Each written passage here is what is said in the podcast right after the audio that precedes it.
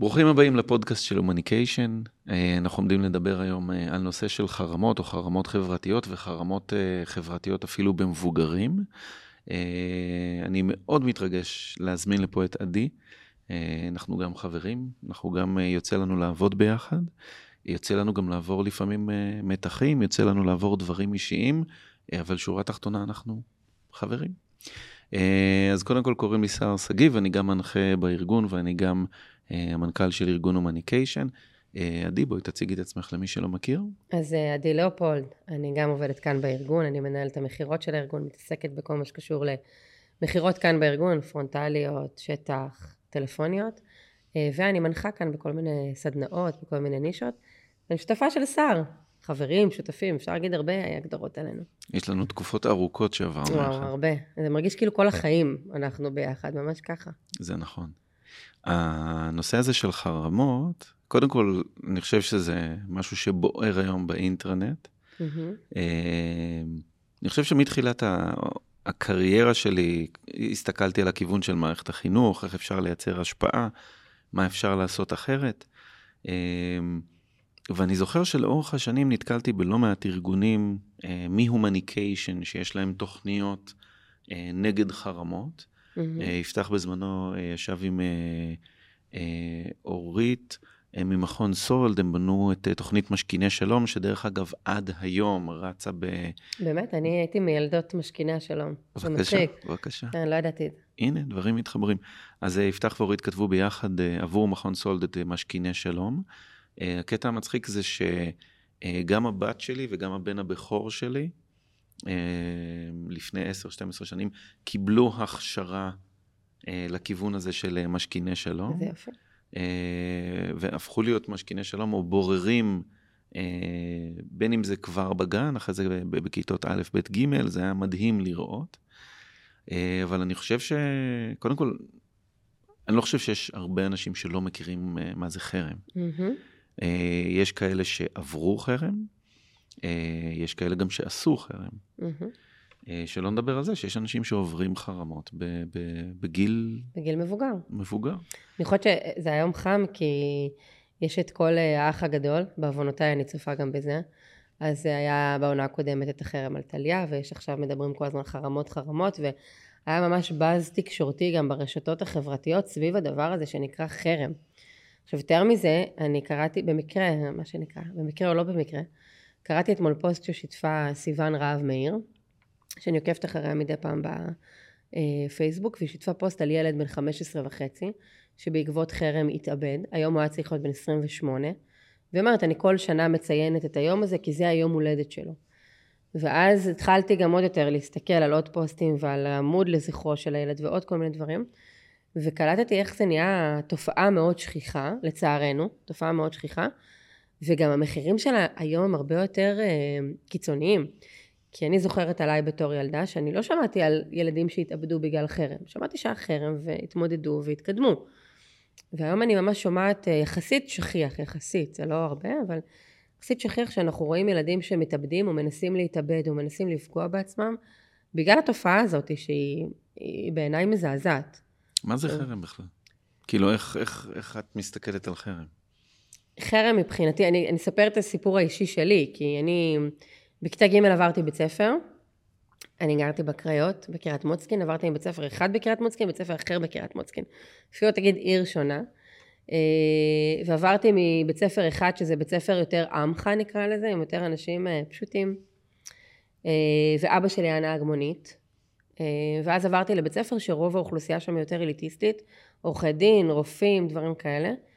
אה, ואז יום אחד גילו שאבא שלי נהג מונית, ומאותו רגע מבחינתם לא הייתי חלק מהחבורה.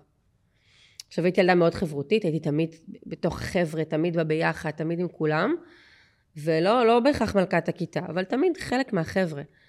ופתאום בבת אחת, אחרי כמה חודשים, פשוט לא היה לי חברים. לא הזמינו אותי לימי הולדת, לא הזמינו אותי לשום דבר. אה, היו התארגנות, הייתי יושבת בהפסקות לבד לפעמים. אה, או הייתי מוצאת עצמי עם מה שנקרא עם ילדי השוליים של הכיתה, משהו שלא לא, לא הייתי רגילה אליו, לא הייתי אה, חיה אותו, וככה במשך כמעט שלוש שנים בחיים שלי. כלומר, בלי ימי הולדת, בלי שום דבר. עכשיו, אימא שלי, שהיא גידלה שלושה ילדים לפניי, בשלב מסוים התחילה לשאול, מה, מה קורה, אין ימי הולדת בכיתה, מה העניינים? אמרתי, כן, מזמינים, אבל אני לא רוצה ללכת, ואני לא רוצה, כלומר, שידרתי עסקים כרגיל. ואז היא שמעה ממישהו על איזשהו יום הולדת של אחד הילדים, ואמרה לי, אה, יש יום הולדת לילד הזה והזה, אני אקח אותך.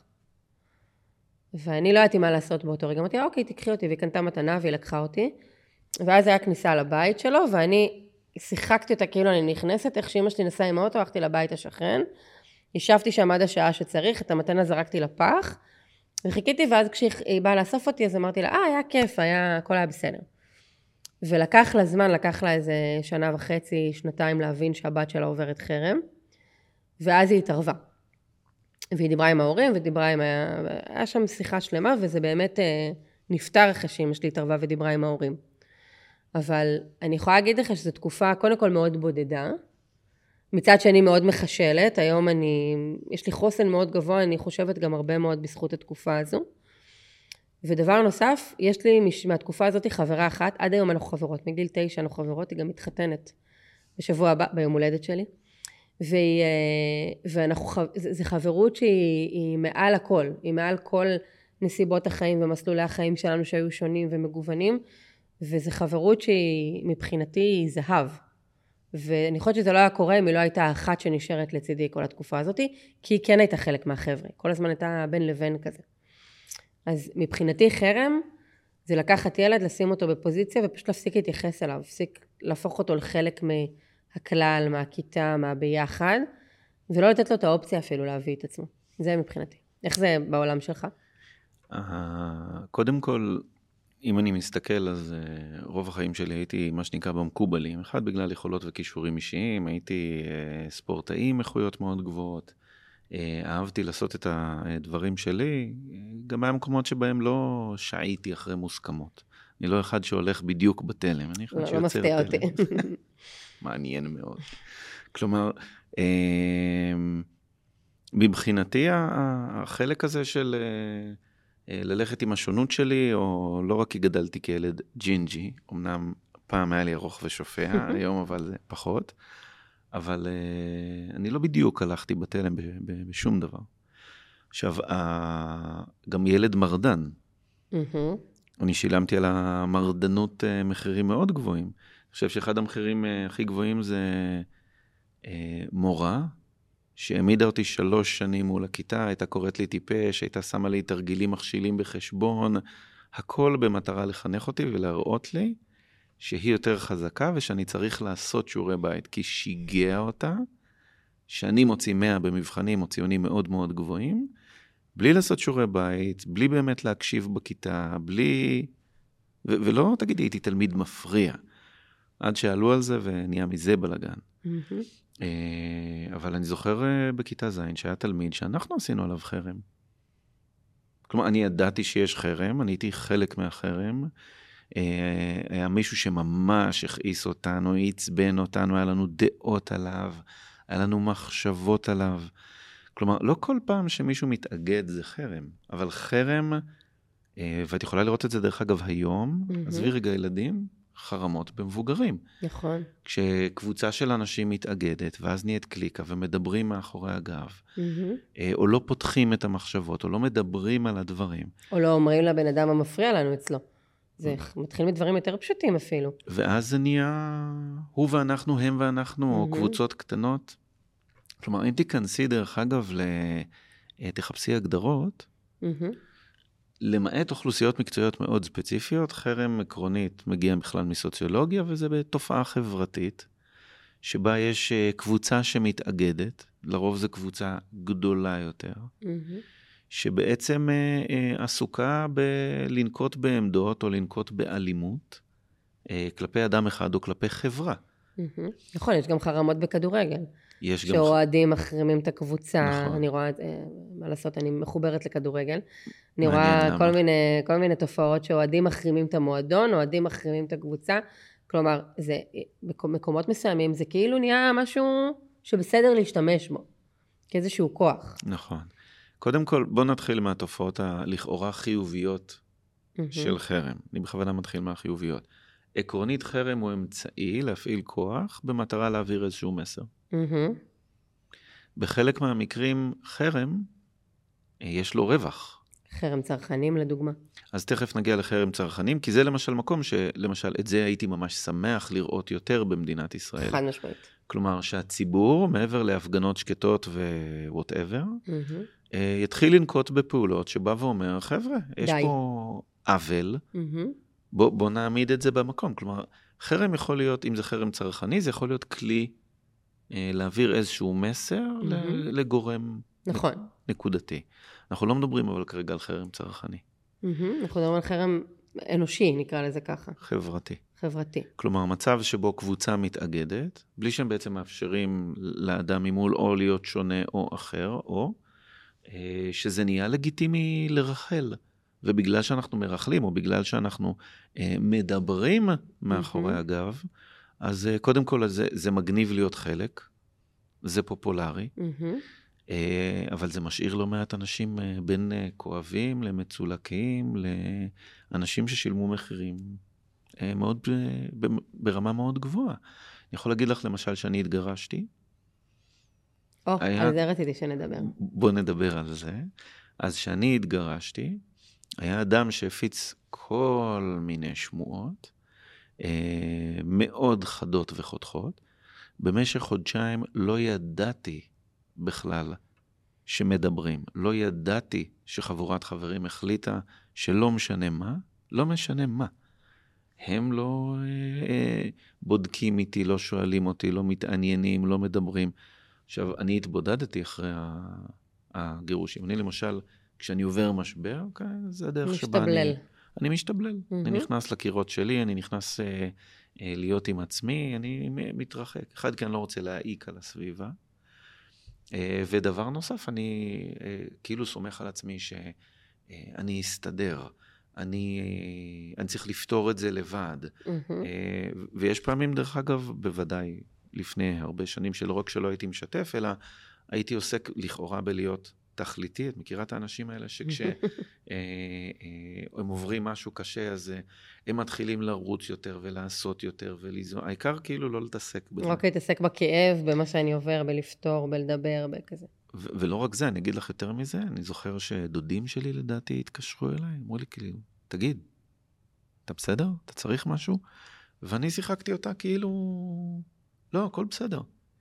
אולי כי לא רציתי לגעת, אולי כי לא רציתי להתעמת, אולי כי אה, לא ידעתי איך לדבר על זה, או לא יודע. לפעמים אצלי זה קורה כי לא בא לי ליפול על אחרים עם הצרות שלי. כאילו, מה עכשיו אני אשתף אותם בצרות שלי? כזה. אני אפתור.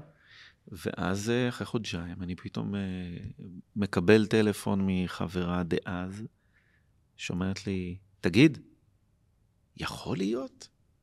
ובשלב הזה, אני חושב שאז נפל לי האסימון, שכאילו, וואו, איזה שיח מתנהל בחוץ, ותקשיבי. זה היה בלהבות, מי ישמע במה מדובר בכלל. כשאתה, אני רק, רק לסדר את לוח הזמנים, אתה באותו זמן מנחה בארגון?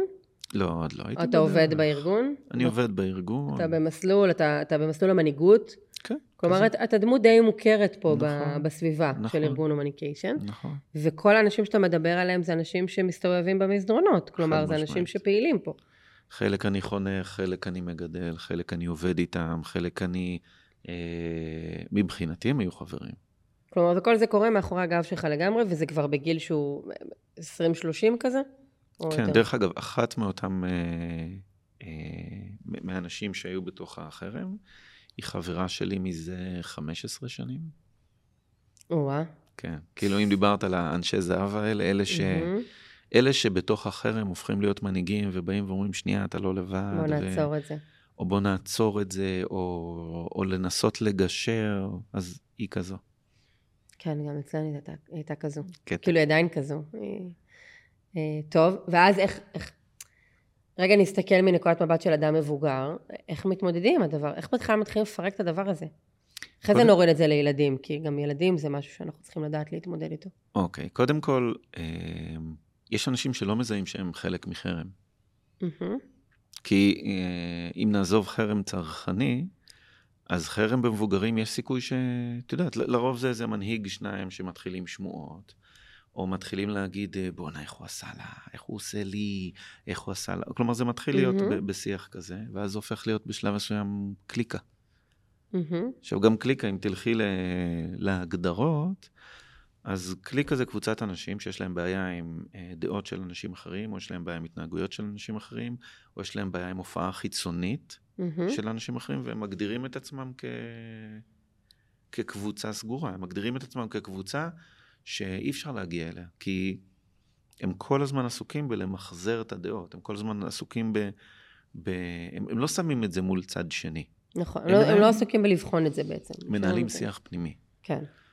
עכשיו, היתרון של שיח פנימי זה שאפשר לדבר על מה שרוצים, ואף אחד לא מפריע, בטח לא עם דעות שונות. אבל אחד החסרונות של שיח פנימי, שאף אחד לא בודק אם אנחנו טועים. בול. עכשיו, אז אני חושב שהדבר הראשון שחשוב שאנשים ישימו לב, זה, זה האם השיח הוא שיח מגבש, או שיח שעוזר לפתור את הדברים, או שיח שמצדיק את העמדות והדעות. כי כמה פעמים אנחנו פוגשים אה, בין לקוחות למכרים לאנשים בתוך הסדנאות שלנו, אה, בין אם זה במהות, בין אם זה במקור, ש, שהם אומרים, זה הוא, מהמם. הוא לא ישתנה. מהמם. ו- וכל פעם שאמר, אני אמרתי לו, הרי אמרתי לו, כמה פעמים אמרתי לו. אני חושב שאנשים נצמדים לאמרתי לו, כאילו זה... זה זו האמת.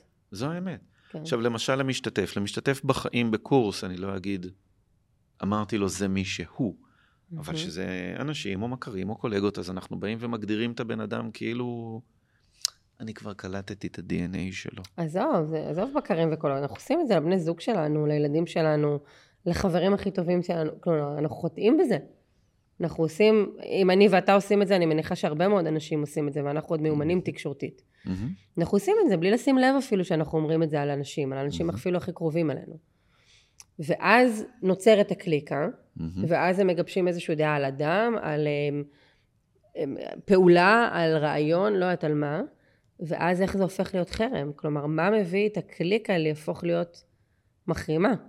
אני חושב ששני דברים, אחד זה או פעולות עוינות, מהמם.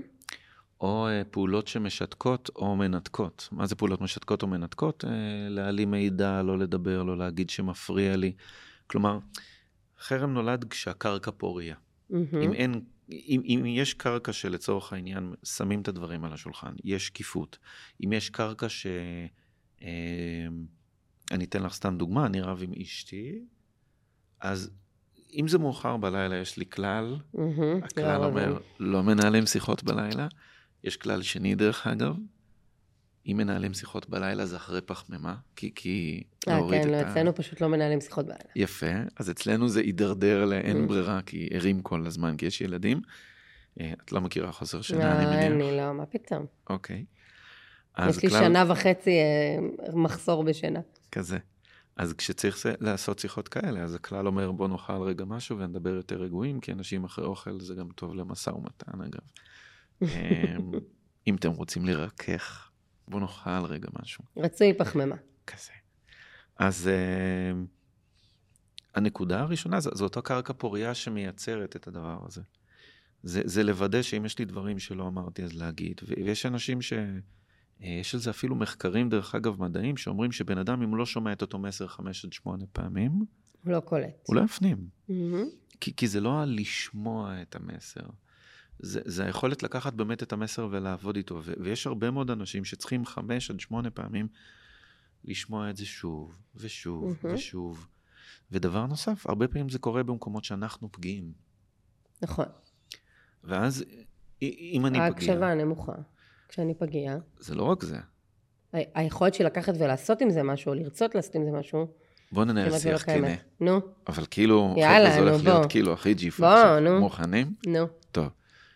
תני לי את ההתנהגויות הכי אה, ג'יפה שלך במקומות שאת. פגיעה. אני נוטשת, מה זה אוקיי. נוטשת? אבל נוטשת מגעיל. אוקיי. נוטשת ערסית מהקריות. כאילו, אני יכולה לבוא לשי, לא מתאים לך?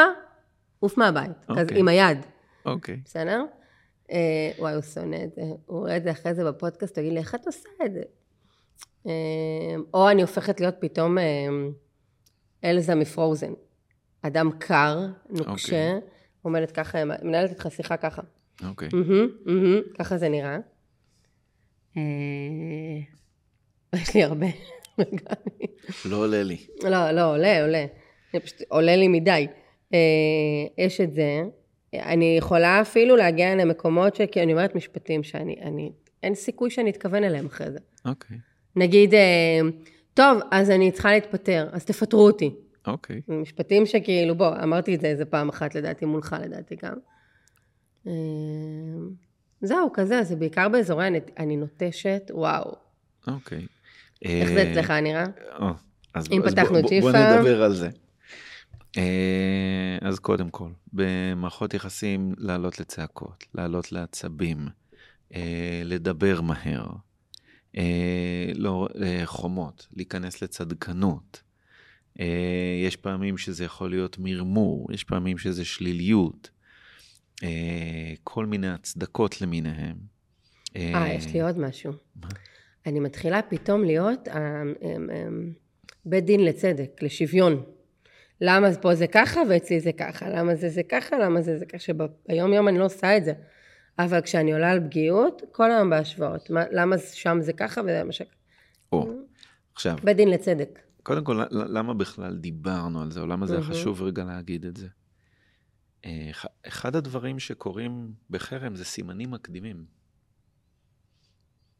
עכשיו, יש סיכוי שאת ואני, למרות החברות, למרות הקרבה, אה, או ישתמשו בנו, מהמם. אנשים שיש להם מטרות יותר גבוהות, יותר רציניות, ואנחנו לא נדע. מהמם. בין אם אה, אנשים באים לכאורה לשתף, והם משתפים והם משתפים, וזה משתף, ואני כאילו חבר טוב, אז אני מקשיב ואני מקשיב, מקשיב, ופתאום אני קולט שאני אני מאבד את האובייקטיביות שלי, אני מאבד את הפייבוריזם שאני מסוגל לבוא מבחוץ ולהגיד לך, עדי, תקשיבי שנייה. מהמם. את זוכרת את הכוונות של הבן אדם, את זוכרת שהיא אוהבת אותך, כלומר, מרוב שזה הופך להיות שתפי אותי, אז זה הופך להיות uh, כן המרמור שלום. כן, רכלי איתי. אנא.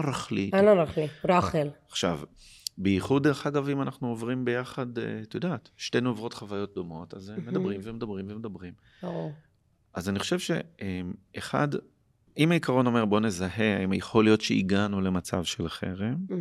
אה, זה להיות ערני שיכול להיות שאנחנו שייכים לקבוצה ואנחנו לא שמים לב והתגלגלנו לשם. זה התחיל נכון. משיח תמים, ותני לי רק לשתף, ובפועל הפכנו להיות. כלומר, לא התכוונו, נכון. בכוונה המקורית לא התכוונו לעשות חרם על אף אחד, אבל יצא... אבל נכנסנו לקבוצה שכבר עושה את זה, או התחברנו למנהיג שעושה את זה. נכון. דבר מהמם. נוסף, אה, יש לי חברים שיודעים לבוא ולהגיד לי תוך כדי השיח, אם הסימנים המקדימים האלה מופיעים. מהמם.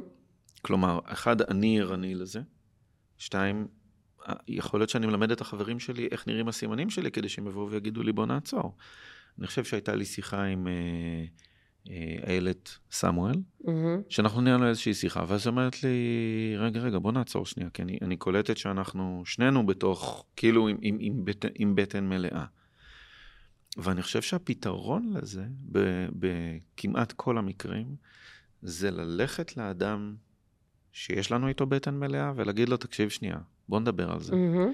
כי התחלתי להגיד קודם, גם עם אשתי, גם אם הולכים לישון כועסים, אז למחרת, או אם ממש יש יום סופר לחוץ, יום אחרי זה, יש הגדרה ש, שזה לא ימשיך לנהל. אנחנו יושבים לדבר.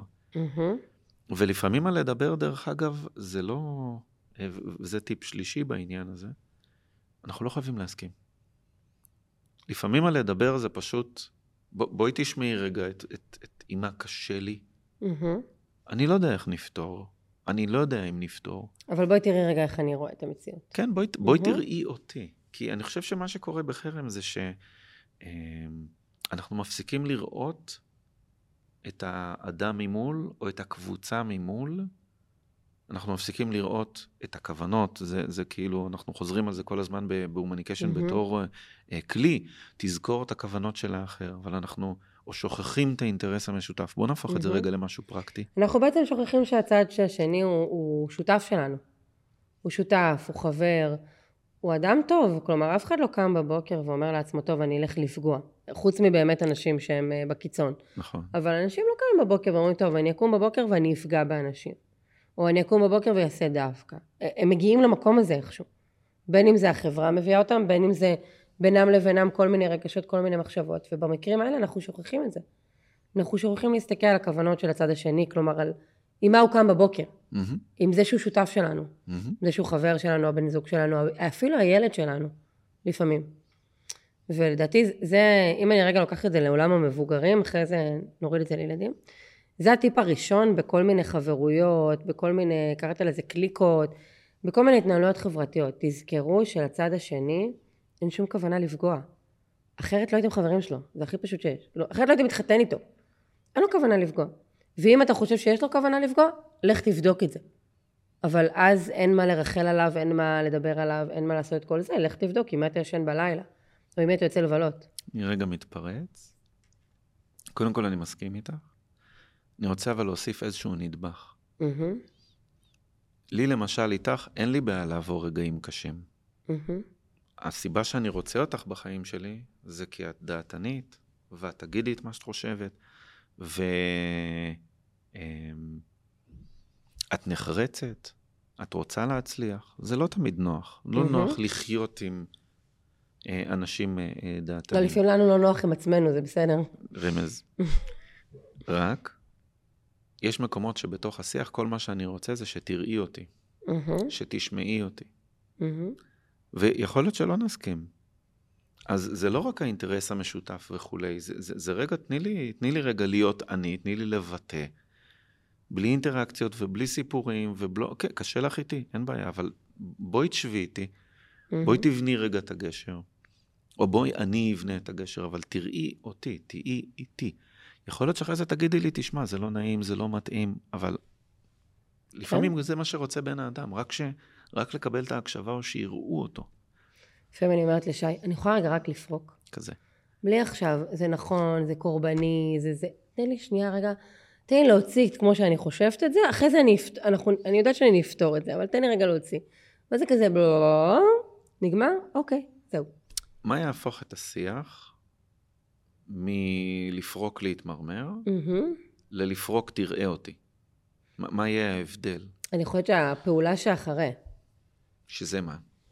אם אני יושבת ואני כל היום חוזרת הביתה ממורמרת מהעבודה, ואני יושבת עם בן הזוג שלי, וכל בו, לילה אני חוזרת ממורמרת וממורמרת וממורמרת וממורמרת, ולא עושה שום צעד כדי לפתור את זה, אז זה כבר שיח שהוא בוא נתמרמר.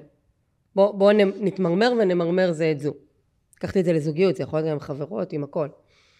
אבל אם אני פורקת, ואז אחרי זה אפילו יכולה לבוא שאלה, מה את צריכה ממני? צריכה ממני משהו? את רוצה ממני איזשהו משהו? ואז רגע להבין, להבין אם יש בן אדם שרוצה לצאת לפתרון אחרי שהוא פרק, או בא לי להישאר בחרא שלי כרגע. מותר להגיד חרא בפודקאסט? בחרא שלי כרגע. בסדר? לא יודעת, שיהיה כזה פיפ. האקדמיה ללשון עברית כרגע תודה. מצטעקת. כן, ממש תופס. חרא בעין. חרא. אם אני, שאלה ברמת אה, איך את מסתכלת על הדברים.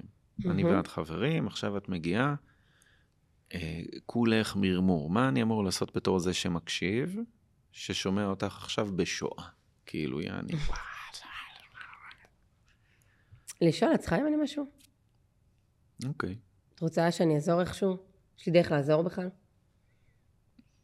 אז אה, מה שנקרא, כמה טיפים בעניין הזה ממני. יאללה. אחד, אתם יכולים לשמוע אה, סיפורי זוועה. אה, הוא אמר לי, הוא עשה לי. אתם שומעים מישהו שמדבר ב"הוא אמר לי", הוא עשה לי, מתחיל לתאר לכם את, אה, את כל ההשתלשלות. קחו בחשבון שיש סיכוי שאתם מה שנקרא מטויחים. חלק מהבריכה. נכון. אה, דבר שני, אני מציע לשאול את הבן אדם, מה מטרת השיחה? Mm. ואם הבן אדם ממול אומר, תקשיב, קשה לי, אני לא יודע איך לפתור את זה, אז אנחנו יודעים שהשיחה אמורה להיגמר בלחזק את מערכת היחסים. מהמם. עכשיו, אני לא מתווכח שיש אנשים שהם יכולים להיות בעמדה נצלנית, אני לא מתווכח, אני הרי לא תיאורטיקן. מהמם. לא מתווכח עם זה שיש אנשים במקור, אנחנו קוראים להם בין אה, אה, טייקרים לסאקרים. אנשים מהמם. שיש להם מגמה פוגענית. אז אני, אני לא נכנס כרגע לחריגים. אבל אה, אני שמעתי לא מעט על, על אנשים שמאוד נוח להם לבוא ולהגיד, בואנה, הוא אה, הפך להיות טייקר. מהמם. בואנה, הוא... למה? כי או לא נוח להם עם הדעות, או שמאוד קל בלי לשאול את הבן אדם ולבדוק איתו, לראות רגע מה המניע, על מה זה. יושב. נכון. לשים תוויות, ואז ככה יוצאים את הביצה. שזה החלק הכי קל, שזה החלק הכי קל, לקחת בן אדם ולהדביק עליו סטמפה. אבל להוריד את הסטמפה יכול לקחת שנים, mm-hmm. שנים. אני זוכרת, עליי, אני נכנסתי להומניקיישן, ובצדק הייתה עליי סטמפה, כן? הייתה עליי סטמפה של אגרסיבית. ואז לא משנה מה עשיתי, זה לא ירד. והייתי צריכה במשך שנים להוכיח שאני לא בן אדם אגרסיבי בכוונות. כן, לפעמים יוצא לי, לא בכוונה. אבל אני זוכרת שצוותים, אנשים היו אומרים, לא, לא, אני עם עדי לא, זה עדי אגרסיבית. שנים. וכאילו, באמת, זה, זה דברים שאני היום מסתכלת, כשאני אומרת על בן אדם משהו, אני כל הזמן אומרת שאני נזהרת במה שאני אומרת. כי אני, אני לא הייתי רוצה שידביקו עליי סטמפות, אז אני גם לא אעשה את זה לאחרים. אני גם לא אעשה מה שנקרא בקלות דעת, ידביק על בן אדם סטמפה ויגיד זה הוא. ככה הוא מתנהל. וזה החלק הכי, אני חושבת שזה החלק הכי חשוב, אגב, גם אצל ילדים. לא מהר לבוא ולהגיד, אה, ah, זה הבן אדם, ככה הוא. הוא אגרסיבי, הוא מתנשא, הוא uh, צדקן, הוא... לא, ת, תעצרו שנייה. כי, כי את הסטמפות האלה, אה, ובוגרי מקור, טייקר, הוא ס... לא. תעצרו רגע. לא כל אדם צריך לקבל את הסטיקרים האלה כרגע. Mm-hmm. שנייה, תבחנו את מה שאתם חושבים. וזה באמת העצה הכי טובה שאני יכולה לתת לאנשים באופן כללי בחיים, לא רק קשור לחרם. תבחנו רגע את הסטמפות האלה. אה, דבר נוסף מתבחנו את הסטמפות, או את הסטיגמות, או את התגיות, יש אנשים ש, שייקח להם עוד זמן עד שהם יוכלו לפתור את זה. Mm-hmm. ו- ומה שהם צריכים זה שלא לוותר. Mm-hmm. כלומר, זה בסדר גמור, ואני יודע על כל מיני מקומות בחיים שלי, שלקח לי בין שנתיים לשלוש, להתיידד עם המקום, להכיר, לדעת לחצות. אז לא, לא כל אחד יכול לקבל את הבנפיט, ולא תמיד אני מוכן לשלם את המחיר של לחכות את השנתיים-שלוש. Mm-hmm. אבל יש מקומות ש, שאני חושב שדווקא השאלה ההפוכה יכולה להיות uh, Game Changer, וזה, uh, אני רוצה להרוויח את האחר? Mm-hmm. נניח ואני לא יודע איך לפתור את זה. נניח ואני, אין לי מושג איך, איך, איך זה יכול להיות אחרת. אני רוצה להרוויח mm-hmm. את הבן אדם ממול? ואני חושב שבדרך הזאת להזכיר לעצמנו רגע ש... כן, יש מקומות שהעידנא דריתחא, ויש מקומות שהדעות הן מאוד אה, רציניות ומאוד חותכות. Mm-hmm. אבל מצד שני, זה, זה, זה, זה לא אומר שאנחנו צריכים אה, לפספס אנשים, כי ת, תחשבי על זה רגע. קחי בן אדם, תשאלי אותו, איזה אנשים אתה רוצה לידך? אנשים עוצמתיים או אנשים חלשים? הוא יגיד, עצמתיים. עצמתיים. איזה אנשים אתה רוצה, עצמאים או תלותיים? עצמאים, ברור. אז אתה רוצה שאנשים יהיו ישרים איתך? נגיד, בטח. עד ש... עד שזה לא מתאים לתרבנית שלי, לשבלונה ששמתי לעצמי. או עד שזה המקומות הפגיעים שלי ואני רוצה להוביל את זה בדרך שלי. כמה פעמים אני שומע הורים אומרים את זה על uh, השותף שלהם לגידול הילדים.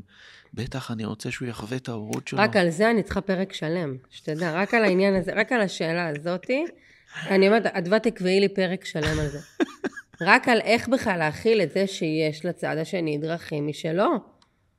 וואו, זה, זה, זה, אני, אני אומרת שוב, אני לא, אני לא מתיימרת להגיד יותר מדי דברים, אבל אני יחסית הגעתי להורות אחרי שעשיתי כמה סדנאות, למדתי מאנשים, חלק מזה ממך, חלק מעוד אנשים פה שהם יותר מיומנים, עם ילדים שעברו מערכות יחסים ומשברים, למדתי איך להכיל את זה.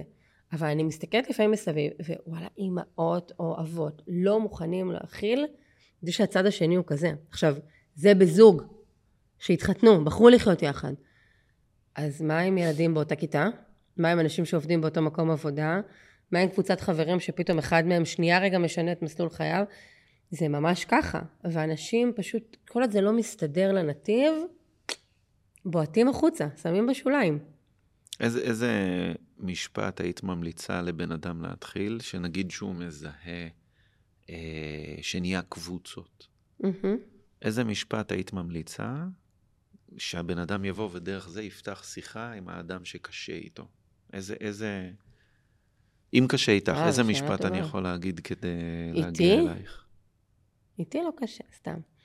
אמ, לאופולד שי, האם שומע רות עבור? לאופולד שי, האם אתה יכול לחזור? לא, קודם כל, יש סיכוי שרגע צריך לרד, לתת רגע ללהבות שנייה לרדת, כי כשאני בשיא אבל מה המשפט הפותח?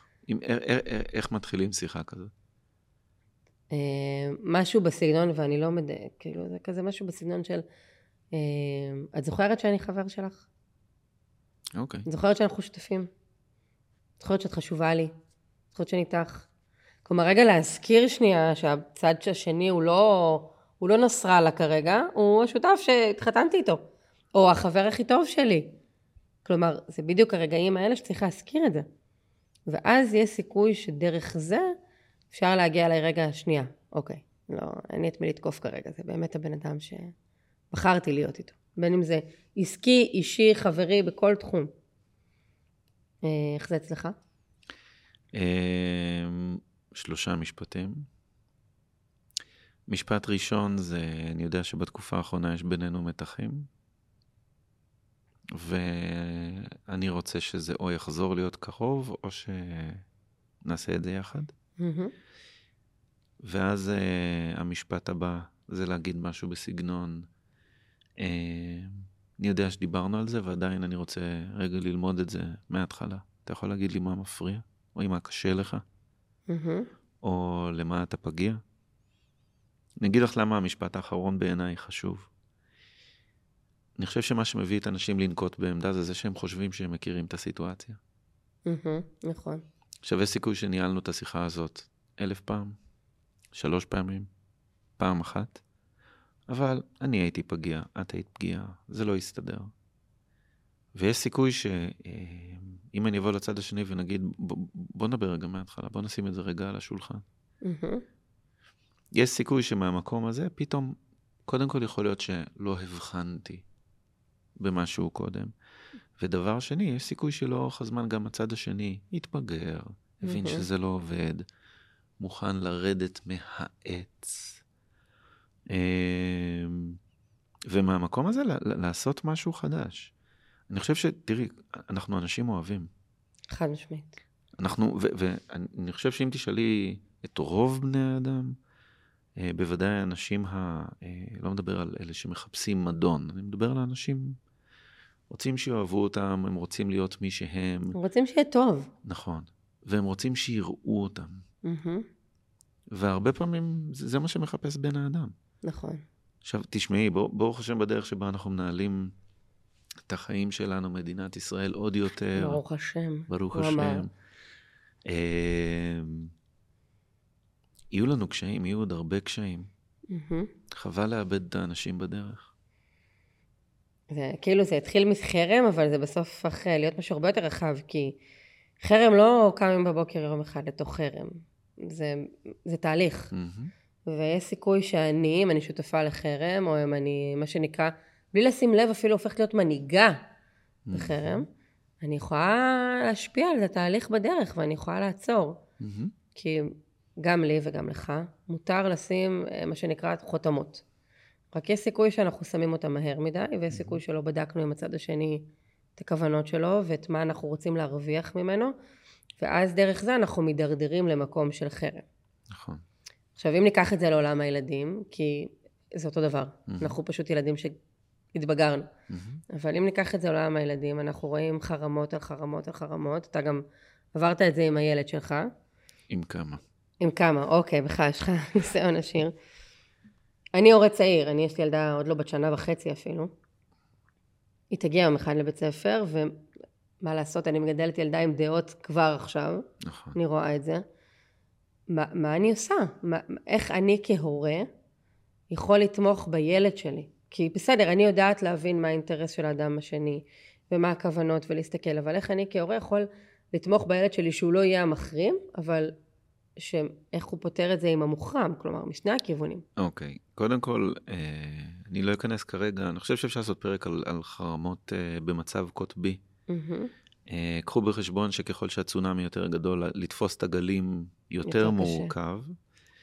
אה, ולכן אני לא רוצה כרגע להיכנס ל- לאיך מטפלים בצונאמי כשהוא צונאמי. אני רוצה מהמם. לטפל בזה עוד לפני שזה מתחיל. נכון.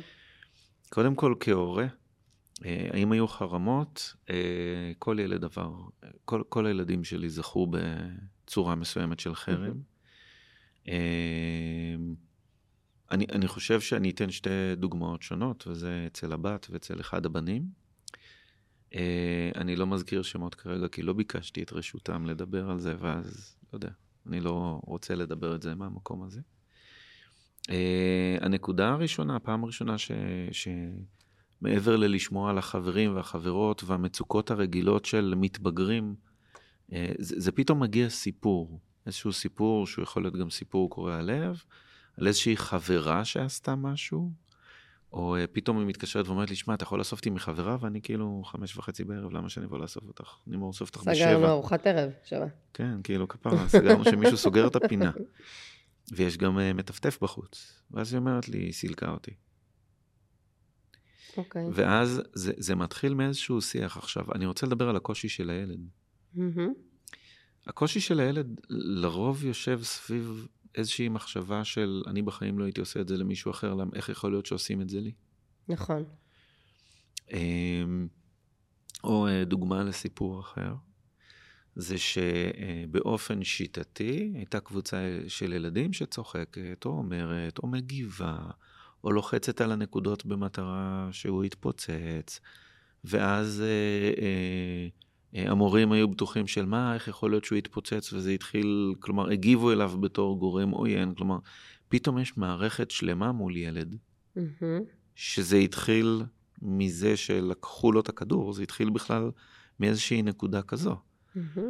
אה, אז, אז קודם כל, אני, אני רוצה להזכיר רגע את המטרה. כי לפעמים, דרך אגב, אם תרוצי להורים ותגידי להם, בואנה, הילד שלכם חלק מחרם, את הולכת לקבל קיתונות. כן. ההורים הופכים להיות, בלי, בלי לשים לב, מחרימים בעצמם. נכון, הם מעודדים בטעות את החרם, מעודדים את התוקפנות נגד אה, הילד שסובל, כי כאילו זה הילד שלהם והוא מלאך והם מגנים. בוא רגע, לאט. ברור. קודם כל, הבן אדם במרכז זה הבן אדם שעובר את זה. ולכן, לבוא לילד ולבוא ולהגיד לו, שנייה, בוא, בוא נסתכל על זה, או אה, אה, בוא נראה מה אנחנו רוצים לעשות. אה, או לנסות להראות, שנייה, יש פה איזשהו קושי, אתה עובר איזשהו קושי, בוא, תזכור, אני פה, אני איתך, מהמם. אתה לא לבד. ודבר שני, זה לנסות לראות איך לגשר. הרבה פעמים הגישור, דרך אגב, הוא לא שיח גבוה ושיח רגשות, והאם היה צריך לעשות או לא היה צריך לעשות, זה לפרק את זה למשהו פיזי קטן. מהמם. קטן. תן דוגמה. באתי למשל ל- לאחד, לאחד הילדים שעבר את זה, ובהתחלה ניסיתי, רגע, הוא חבר שלך, ובוא תחשוב על זה, ובוא זה, איזה חבר, הבן אדם מכופר עליו, הוא לא, מהמם. כולו עסוק מהמקום הזה. ו- ו- ואז אמרתי, בוא, בוא נסתכל על זה רגע, מה, מה קורה בהפסקות? מה אתה רוצה שיהיה אחרת? אתה. תלך ואתה תדבר עם ההורים, אתה תדבר עם המורה. אגב, הלכתי לדבר עם ההורים, על תשאלי מה קיבלתי, וכשהלכתי לדבר למורה, קיבלתי את התשובה האינטליגנטית הבאה. הם ילדים, זה מה שהם עושים. אוקיי, אני לא אגיב, ידעתי. אבל אז ה- ה- לבוא ולהגיד ל- לאותו ילד, אתה, אתה צריך להתמודד עם זה. מהמם. אתה צריך לדבר. אתה, אתה תצטרך לעמוד מולם ולהגיד להם, עד כאן. לא ש- יהיה... שאגב, זו נקודה שלדעתי, אה, אני לא אגיד רוב, אבל חלק מההורים מפספסים בתהליך, שמה? שהם הולכים ומגוננים בעצמם. נכון. ויש סיכוי שדווקא כשזה יבוא מהילד, גם הוא יצא מועצם מהחרם הזה, וגם זה יהיה משהו שהוא ידע להתמודד איתו הלאה בעתיד. והוא גם ידע שזה הוא עשה את זה. ולא כל הזמן מה שנקרא בסינר של הורים. ואני לא חושבת שהורים לא צריכים להיות מעורבים, כאילו, אני חושבת שהורים צריכים להיות מעורבים. אבל אני זוכרת שאימא שלי שאלה אותי כמה פעמים, את רוצה שאני אתערב? אז אמרתי לה, לא. והיא שאלה אותי, את רוצה לשנות משהו בהתנהגות? שנדבר, אימא שלי גם הייתה בוגרת סדנאות, אז היה לה מאוד, היה לה את הכלים. ואז אמרתי לה, לא, אני אשאר כמו שאני, ובסוף הם יקבלו אותי ככה. ואז היא הלכה, התייעצה עם המורה, והמורה אמרה לה באותו זמן, אגב, גם המורה הייתה בוגרת של סדנאות, כן. והיא אמרה לה, תני לילדים, לי- תני לה להתמודד, תחזקי אותה. אמא שלי כל הזמן חיזקה אותי, מה שאת צריכה אני פה, ומה שצריך, ומה שצריך, ומה שצריך. היא כן עשתה שיחות מאחורי הקלעים שלא ידעתי עליהן, עד שלא התבגרתי והיא סיפרה לי, אבל מבחינתי אני חציתי את זה לבד. כלומר, אני בתחושה שלי, בחוויה שלי את החרם, אני יצרתי פרצה באיזשהו שלב עם אה, ילדה חדשה שהגיעה לכיתה, ומאז עליתי על הגל לבד. ואני חושבת שמכאן אני אומרת שהחרם היה חוויה שמעצבת לחיוב. מהמם. ובדיוק כמו שאתה אמרת על, ה, על, ה, על אחד הבנים שלך, שאתה רוצה לבוא ולתת לו את הכלים לרגע, מה אתה רוצה, איך אתה רוצה לדבר, מה אתה רוצה להגיד, עם מי אתה רוצה לדבר, מה חשוב לך, כי זה המקום שלדעתי הורים, ממקום טוב, ממקום מגונן, רצים, רצים לפתור. לפתור, כי אני המבוגר ואני אחראי וזה הילד שלי ואני צריך לפתור, ורגע, לא, לא בטוח. Mm-hmm. לא בטוח לזה שצריך לפתור. Mm-hmm. ואם, וזה כאילו פתאום תובנה שנפלה לי תוך כדי שדיברנו, שאם אני צריכה היום להתמודד עם משהו כזה, אז אני מעדיפה לתת לאביגיל, לבת שלי, את הכלים, ולהגיד לה, אם את צריכה אותי, אני פה, mm-hmm. תבקשי. כי גם ללהפעיל את ההורה, עדיף שהיא זאת שתבקש, ולא... זה רגע מפחיד. כן. זה רגע מפחיד כהורה, כי הילד פתאום צריך להתמודד, ולא יודעים, ורגע, כן אלימות, ולא... אבל אני חושב שהצעד הראשון זה, זה, זה, זה להביא את הילד ללכת ולהתמודד. הנקודה האחרת, אה, צריך לזכור שלמרות שהילד כרגע עובר ומנסים לגונן, ושוב, אני לא מדבר על צונאמי, לא מדבר mm-hmm. על חרם יותר מורכב מזה, אני מדבר על סיטואציות ש, שיחסית אפשר, למה שנקרא, בתחילת הדרך, להגיב שלא הזמינו אותי ליום הולדת, או לא קראו לי לחברה, או דברים קטנים. זה יכול להיות גם שיש אלימות בבית ספר, וזה יכול להיות בין מילולי לדחיפות, כי. זה חלק ממה שקורה. אה, כולל אה, סיטואציות שהילד היה חוזר ושפכו מים, או היו, היו, היו, היו סיטואציות, אנחנו מדברים על חרם ממשי. אנחנו לא מדברים על סיטואציה רגעית, אנחנו מדברים על משהו שיטתי שמחריף לאורך זמן. Mm-hmm. אז אחד, מעבר ללהפוך אותו להיות למקור להתמודדות, זה לזכור שזה אה, בסדר לרצות ליצור גשר עם ההורים או עם הצד השני. צריך לזכור שכולם פגיעים במקום הזה. נכון. ואם אנחנו באים ממקום של כוח, זה מגיע לאנשים מרשים לעצמם לכאורה בגלל התירוץ, זה הילד שלי אז מותר. Mm-hmm. אבל שנייה, זה שהם לא מסתדרים או זה שקורה שם משהו, אם אנחנו נאבד את הערוץ הזה, זה יהיה מיותר. נכון. אז, אז כן לנסות ליצור איזשהו ערוץ של אני לא יודע מה אתה שומע ומה אתה מדווח. בוא נחלוק את המידע, בוא נראה איך זה נראה משני הצדדים. זה לא אומר שהוא בסדר ואני לא, זה לא אומר שאני בסדר והוא לא. זה אומר שבוא נדבר על מה אנחנו רואים דרך הילדים, ו- ובוא נראה להם או בוא ניצור משהו אחר. כן, כן, אני חושבת מפחדים להיות, אה, כאילו, הסטמפה של אני הורה לא טוב אם זה מה הבן שלי עושה לבן שלך. אם הם היו רואים את זה, המצב היה קל. הם לא רואים את זה, אבל הם מפחדים מזה. Mm-hmm. מפחדים שיגידו שהם נכשלו בחינוך כי הילד שלהם עושה חרמות, מרביץ, מקלל, mm-hmm. מייצר אנטגוניזם וכולי וכולי. אה, ולדעתי זה מה שמפחיד. עכשיו, אם ניקח רגע את הזווית ההפוכה, רגע, כלומר... שני, שנייה, אה. שנייה לפני הזווית ההפוכה. אה, דבר נוסף, לערב את כל מי שאפשר ברמת מורים, סגל, אה, צריך לזכור שקודם כל הידיים של המורים קשורות בהרבה דברים, mm-hmm. יש להם גבול מסוים.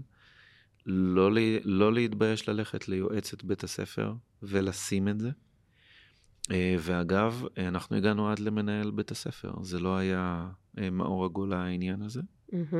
אבל היה לנו ברור שכל המערכת בתוך העניין, כי כשמדובר בילדים, בטח בתוך מערכת בית ספרית, אה, אם הגורמים הרלוונטיים לא מעורבים, זה עלול לייצר מתחים. Mm-hmm. עכשיו, דרך אגב, אנחנו הלכנו למערכת הבית ספרית אחרי שההורה בצד השני ידע שהמטרה שלנו ליצור ריכוך. Mm-hmm. הלכנו ביחד עם ההורה השני. אה, מעולה. כי יש הורים שדרך אגב, רק ישמעו שסיפרתם איך לכלכתם את השם הטוב של הילד בבית ספר. וואי וואי, אליך. ו- וקיבלת קיתונות. אה, אז ככל ויש יותר שיתוף פעולה, אז יותר קל. אבל אם לא, זה, זה לבנות את הילד. להעלות mm-hmm. את החוסן של הילד, לגדל ילדים עוצמתיים, לגדל ילדים ש... שכן, זה, זה חלק מהרגעים, זה חלק מבית ספר. זה המתחים החברתיים ש, שצריך לדעת אה, אה, לחצות אותם. לצערי הרב, הרבה אה, חרמות מגיעים לאמצעים דיגיטליים. Mm-hmm. כלומר, חרמות, זה מגיע למצב ש... היום את רואה את זה בוואטסאפ, עוזבים את הקבוצה, חוזרים לקבוצה, קללות, סיפורים. אמ, כלומר, מצד אחד האמצעים הדיגיטליים זה יותר נגיש, מצד שני, היום אנשים שמים סימן קריאה בסוף הודעה, ואז הם אומרים, למה אתה צועק עליי? כן. או למה לא הגבת לי להודעות. כן. אבל מצד שני, זה מגיע עד לשם. אה, ככל שנגיב יותר מוקדם, יהיה יותר קל. כן, יש משהו שטוב דווקא בדיגיטל, כי אז ההורה יכול לצפות במה קרה באמת. האח הגדול. כן, זה, זה, זה נשמע ככה, אבל זה באמת נכון, כי פעם שזה היה קורה בשכונה במגרש ליד הבית, אז ההורה לא באמת ידע מה קרה. היום שזה בקבוצת הוואטסאפ, אז יודעים שההיא זרקה אותו מהקבוצה, ואז התחילו ריחולים בקבוצה וכולי וכולי, ולהורים, דווקא ההורים לא של הילד המוחרם, של הילדים ששותפים לחרם, גם אם הם התכוונו וגם אם לא, אז יש לו יותר שליטה, ולהראות לו, תראה, זו טעות לעשות ככה, תעשה ככה וכולי וכולי. והטיפ האחרון, אם זה יותר ממה שתיארנו פה, שזה כאילו סיטואציות מיינסטרים היום במערכת החברתית, זה ממש מיינסטרים. לא סתם אני בא ואני אומר, כל הילדים שלי עברו את זה ברמות שונות ומשונות. אה, חבר'ה, ייעוץ, לא מתמודדים עם זה לבד. אני ממש, מת... אני אומר את זה פה, ואני אומר את זה, זה לא בושה, וזה לא אומר שאני הורה טוב. וחברים, צריך כלים כדי להתמודד עם זה, ולא עושים את זה לבד. אני יכול להגיד לך שהיה מקומות שאנחנו התערבנו בחרמות מהסוג הזה, ו- וזה נפתר במהירויות שאנשים היו אה, אה, מלאי התפעלות, עד כמה זה יכול להיות פשוט, ולפעמים, מה לעשות, צריך מישהו אה, מבחוץ. Mm-hmm.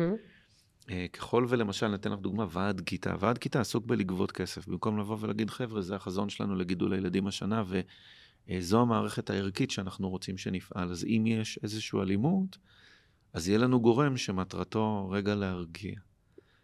ואם אתם צריכים, אז אנחנו פה. אנחנו יודעים לעשות את זה. אתם לא לבד.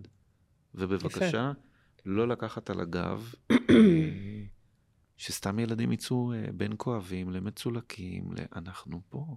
נכון, אני מסכימה. מסכימה. עכשיו בוא נדבר על הצד השני. קול. בוא ניקח את הילד ששותף לחרם, או אפילו מנהיג חרם. מהמם. אני כהורה, איך אני יכולה לוודא שאני לא מגדלת ילד אה, מחרים מחר בבוקר? אה, אני אגיד משפט עצוב. אין לי דרך לוודא. ברוב המקרים אנחנו, אנחנו נדע רק כשנדע. אבל אז איך אני מטפלת בזה? כי הילד המוחרם, דיברנו, מעצימים אותו, נותנים לו להביע את הדעה שלו, זה. הילד ששותף לחרם או מנהיג את החרם, איך אני יוצר את, הד- איך אני יוצר את המפלצת הזאת שנוצרה לי פה? אז קודם כל, אה, ברוב המקרים זה לבוא ולהביע איזושהי אה, עמדה נחרצת בעניין הזה. כלומר, לבוא ולהגיד לו, תשמע, לא. לא. בוא נבין רגע, בוא נסתכל ביחד מה הקושי, מה קשה לך. לפעמים יהיה הצדקות, לפעמים לשם הגענו. כלומר. זה דרך אה, לקנות את מעמדי בחלק מהחבר'ה. הדבר השני זה לעשות תיקון. שזה אומר? יש תיקונים שעושים בארבע עיניים, מהמם. אבל יש תיקונים של לגשת לכיתה, להעביר הרצאה, לעמוד מול כולם, ביחד, לקחת את החבורה לערב פיצות ולהגיד, חבר'ה, בואו נדבר, או וואטאבר. כלומר, ככל והנזק יותר גדול, או ככל ושותפים יותר אנשים, התיקון צריך להיעשות שלא מדברים מאחורי הגב. כי מאחורי הגב, על לפתור את זה כאילו בקטנה, אז פותרים את זה נקודתית, ומאחורה עדיין ממשיכים כן. להתלכלך. לא רק זה, גם יש אנשים שכבר בתוך החרם, והוא, מה שנקרא, הופך להיות בורג.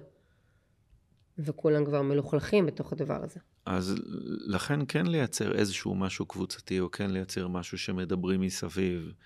אה, שיח הורים זה נורא, רמת התוקפנות היא, באמת. זה, זה, זה לא ייאמן רמת שזה התוקפנות. עצוב, שזה כאילו... זה, אני, אני, זה, נראה לי כאילו זה לא, לא פלא שזה נראה ככה. אם ההורים מגיבים ככה, לא פלא שככה זה נראה אצל הילדים, כי ממי לומדים לא מאיתנו.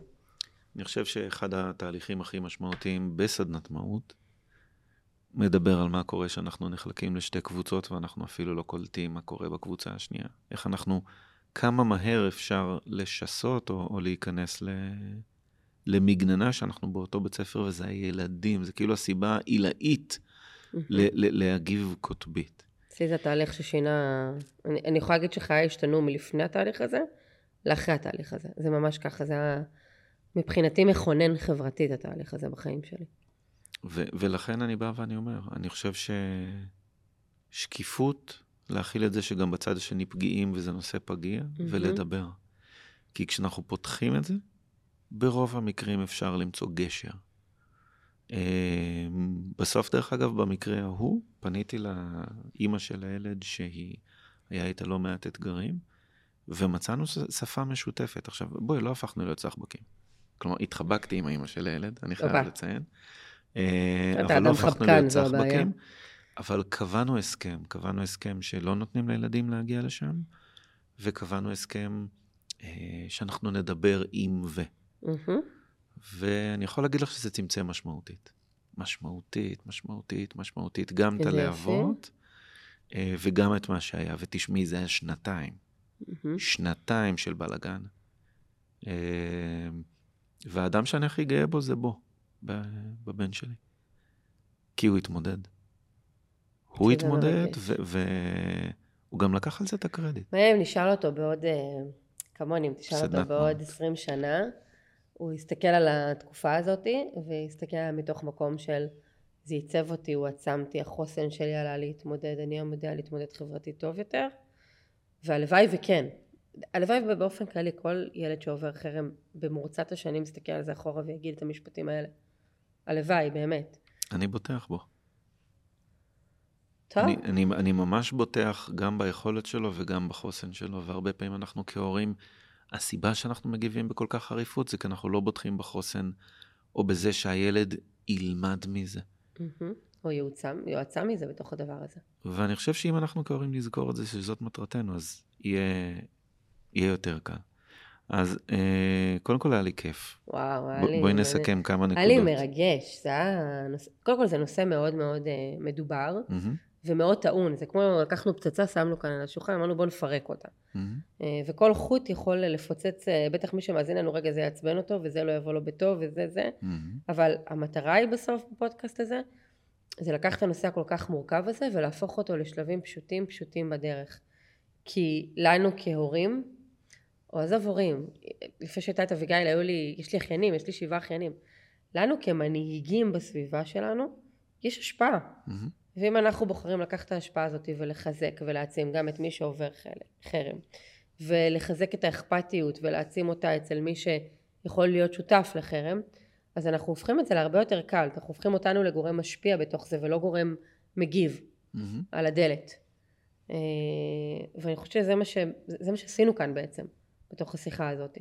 אז קודם כל תודה על זה. תודה אה, כמה מילים לסיכום, ממש ברמת אה, איזושהי רשימה של טיפים. טיפים, כן, יש לנו הרבה. אוקיי, אז אחד, קודם כל בוא נדבר על אה, אה, מה שמביא חרם להתהוות, זה זה שאנחנו הופכים להיות קבוצות, ואנחנו יכולים, וצריך לזכור את זה, אנחנו עלולים למצוא את עצמנו חלק מחרם בלי ששמנו לב או בלי. שקלטנו, ולכן הטיפ הראשון היה, בוא נחפש סימנים מקדימים. מהמם. בין אם זה התנהגויות שליליות, בין אם זה שלילת הדעות של האחר. אה, בין אם זה סטמפות שאי אפשר נכון. להוריד. סטיגמות, או איזשהו אה, אה, מרמור שחוזר, או. איזשהם כותרות שאני שם על אנשים, אז, אז זה אחד. נכון. דיברנו על החלק שחרם הוא משבר מתגלגל. כלומר. זה מתחיל ממשבר אחד, וזה מועצם ומועצם, וזה מקבל אה, אדוות שונות, וזה הופך להיות ברגע מסוים אירוע אה, מאוד גדול. מהמם. על אף שבאירוע כזה ככוח ציבורי הוא נהדר, כשאנחנו מדברים חברתית, אז מן הסתם אם הגענו לחרם זה סימן לקושי גדול, ומצד שני תגובה ממקום של חולשה או מהמם. פחד. ולכן, אחד הדברים שהכי יעזרו זה רגע לשים את זה על השולחן, זה בוא, זה בוא נדבר על זה, התרחקנו, יש מתח חיים, בוא, בוא, בוא נשב על בוא, זה בוא, שוב. נ, בוא, בוא נדבר, לא בהכרח נסכים, נפתור, נכון, נהיה סחבקים, אבל בוא רגע נשים את, ה, את הפיל שבחדר גלוי. נכון. לזכור שלפעמים צריך, לא יודע, חמש, שמונה, אולי יותר פעמים לדבר על זה. עכשיו תבוא. ותגידי לי, מה, בן אדם מבוגר, מה, הוא לא קולט? לא, הוא לא קולט. גם אני לא צריך." קולטת, מה? נכון. בוא, כמה פעמים יכולת להגיד לי משהו ולקח זמן עד שזה שקע. נכון. אה, דבר נוסף, מותר לאנשים להתבגר, מותר לאנשים ללמוד את הנושא וללמוד עמדות חדשות, ומותר לאנשים שייקח להם זמן עד שהם יקלטו. אה, ובעניין הזה, לשאול את עצמנו אם אנחנו רוצים להרוויח את הבן אדם.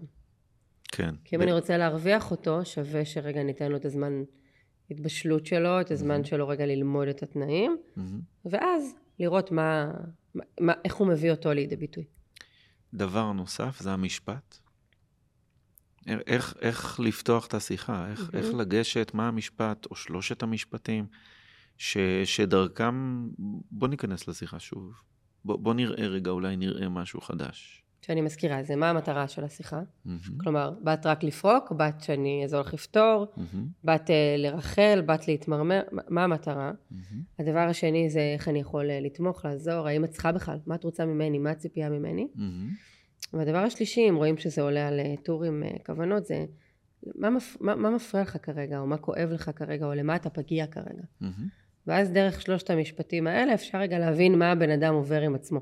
נכון. לפני שאנחנו מתחילים לקחת עלינו את, ה, את העול שלו ולהתחיל לחשוב במקומו או לעשות במקומו דברים. נכון. ואם זה שיחה עם הבן אדם המוחרם או, או, או זה שיש לנו קושי איתו, המשפטים יחסית די דומים. Mm-hmm. כלומר, לבוא ולהגיד, שמע, יש מתחים בתקופה האחרונה, אני יודע שלא הצלחנו לפתור בעבר, אני אבל כן רוצה שכן נפתור. בוא נדבר. בוא נדבר רגע. אני יודע אוקיי. שדיברנו על זה, בוא נתחיל מההתחלה. אתה יכול לתאר לי רגע מה, מה הקושי, מה קשה לך, או וואטאבר. אני חושב שבא, ש, שזה יוצר את הגשר. נכון. אם אנחנו מדברים על ילדים, אני חושב שהעיקרון המרכזי זה אנחנו רוצים שהילד יזקוף לעצמו את הכוח. Mm-hmm. בסוף הדבר הזה, זה אומר ש, אה, שהוא יצא עם חוויה שהוא יצר תפנית. נכון, שזה הוא עשה את זה. ואז, אחד, אנחנו צריכים לבטוח ביכולת שלהם, ודבר שני, לה, להבין וגם שהם יבינו שזה חלק, מ, זה חלק מבית ספר, זה חלק מחברים, זה חלק, מ, זה חלק מלהיות יצור חברתי. Mm-hmm.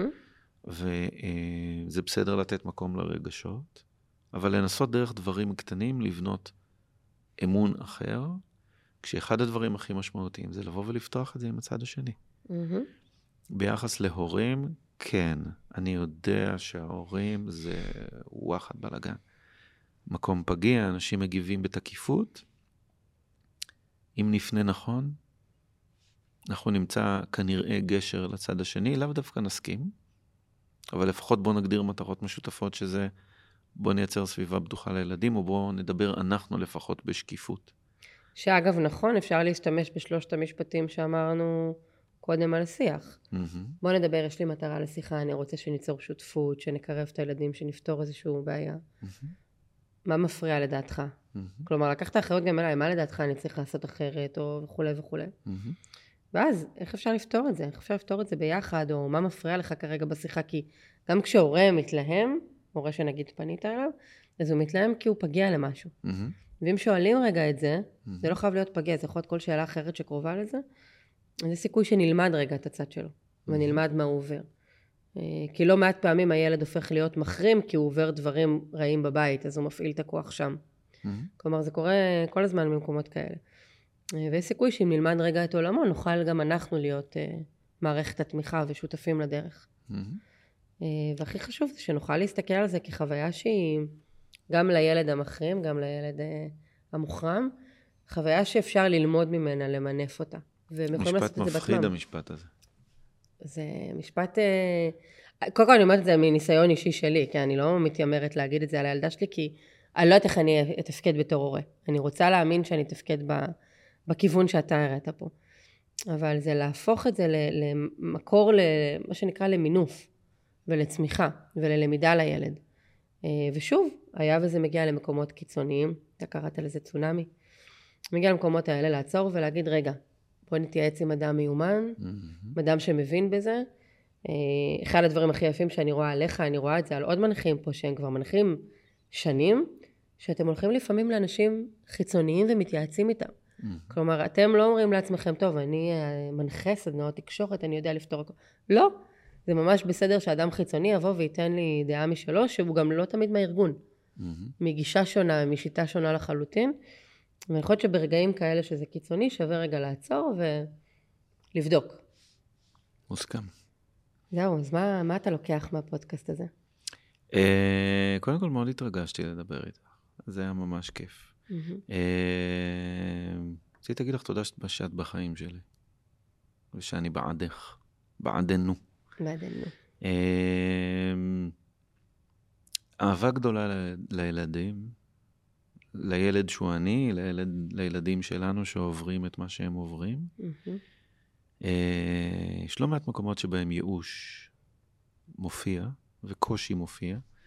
אני חושב שההחלטה לגדול מזה, לצמוח מזה, למנף את זה, זה משפט מפחיד, אבל משפט שפותח איזושהי התמודדות אחרת. אבל אני חושב שהעמדה לבחור אה, לא להיות חלק מחרמות כאלה. Mm. אה, להיות אה, מנהיג או אדם שמבטא מנהיגות כדי שההתמודדות תהיה שונה. אני חושב שזו החלטה אמיצה. אני גם מסכימה, ואני חושבת שזה שאנחנו נהפוך אותנו להיות מנהיגים בחברה שלנו, בכל גיל, בכל שלב בחיים, אם, הילד, אם יש לנו ילדים או אם אין לנו ילדים, ונתחיל להסתכל באכפתיות על אנשים אחרים, ועל מה הם עוברים ועל הפגיעויות שלהם ועל הרגישויות שלהם, אנחנו ניצור סביבה שהיא אחרת, גם אם זה בקצת, אבל אנחנו נעשה קצת סביבה אחרת. קצת סביבה שונה, כי זה לא משנה מה המצב במדינה, או מה קורה בפוליטיקה, או מה קורה בהתחממות הגלובלית, או כל מיני דברים כאלה. לנו יש את הכוח להשפיע. כל אדם, לא לנו, אני, אתה. כל אדם שבוחר להקשיב לפודקאסט הזה. אמ, אני מאוד התרגשתי לעשות אותו איתך. יכול להיות שזה נושא שהוא אה, פגיע, שהוא רגיש, אה, ויש לנו את הזכות להראות שאפשר אה, לקחת את זה לעוד מקומות אחרים. אני מאוד אוהבת אותו בחיים שלי, ויש לנו, לנו עוד הרבה ביחד. נכון. אז תודה רבה. תודה רבה שהקשבתם. מקווה שלמדתם, מקווה שהייתם חלק. אם יש לכם שאלות, אם יש לכם דברים שאתם רוצים לרשום, תרגישו חופשי. אה, זה נושא סופר מפורט, סופר טעון. רצינו ממש לגעת ב, אה, בכמה קצוות שדרכם אפשר לגשת ולפרק נושא כל כך טעון. אה, חשוב שנאהב את הילדים שלנו, חשוב שנאהב אותנו, זה נהדר. אבל יותר חשוב במקומות האלה זה שנלמד לפרק את המתחים ונעשה את זה אולי ביחד. ואם אתם רוצים, אנחנו זמינים לכם, תרגישו חופשי גם באינסטגרם, גם בפייסבוק, גם בטוויטר. אז אנחנו פה בשבילכם, אוהבים אתכם. מניאנה, להתראות. ביי. ביי.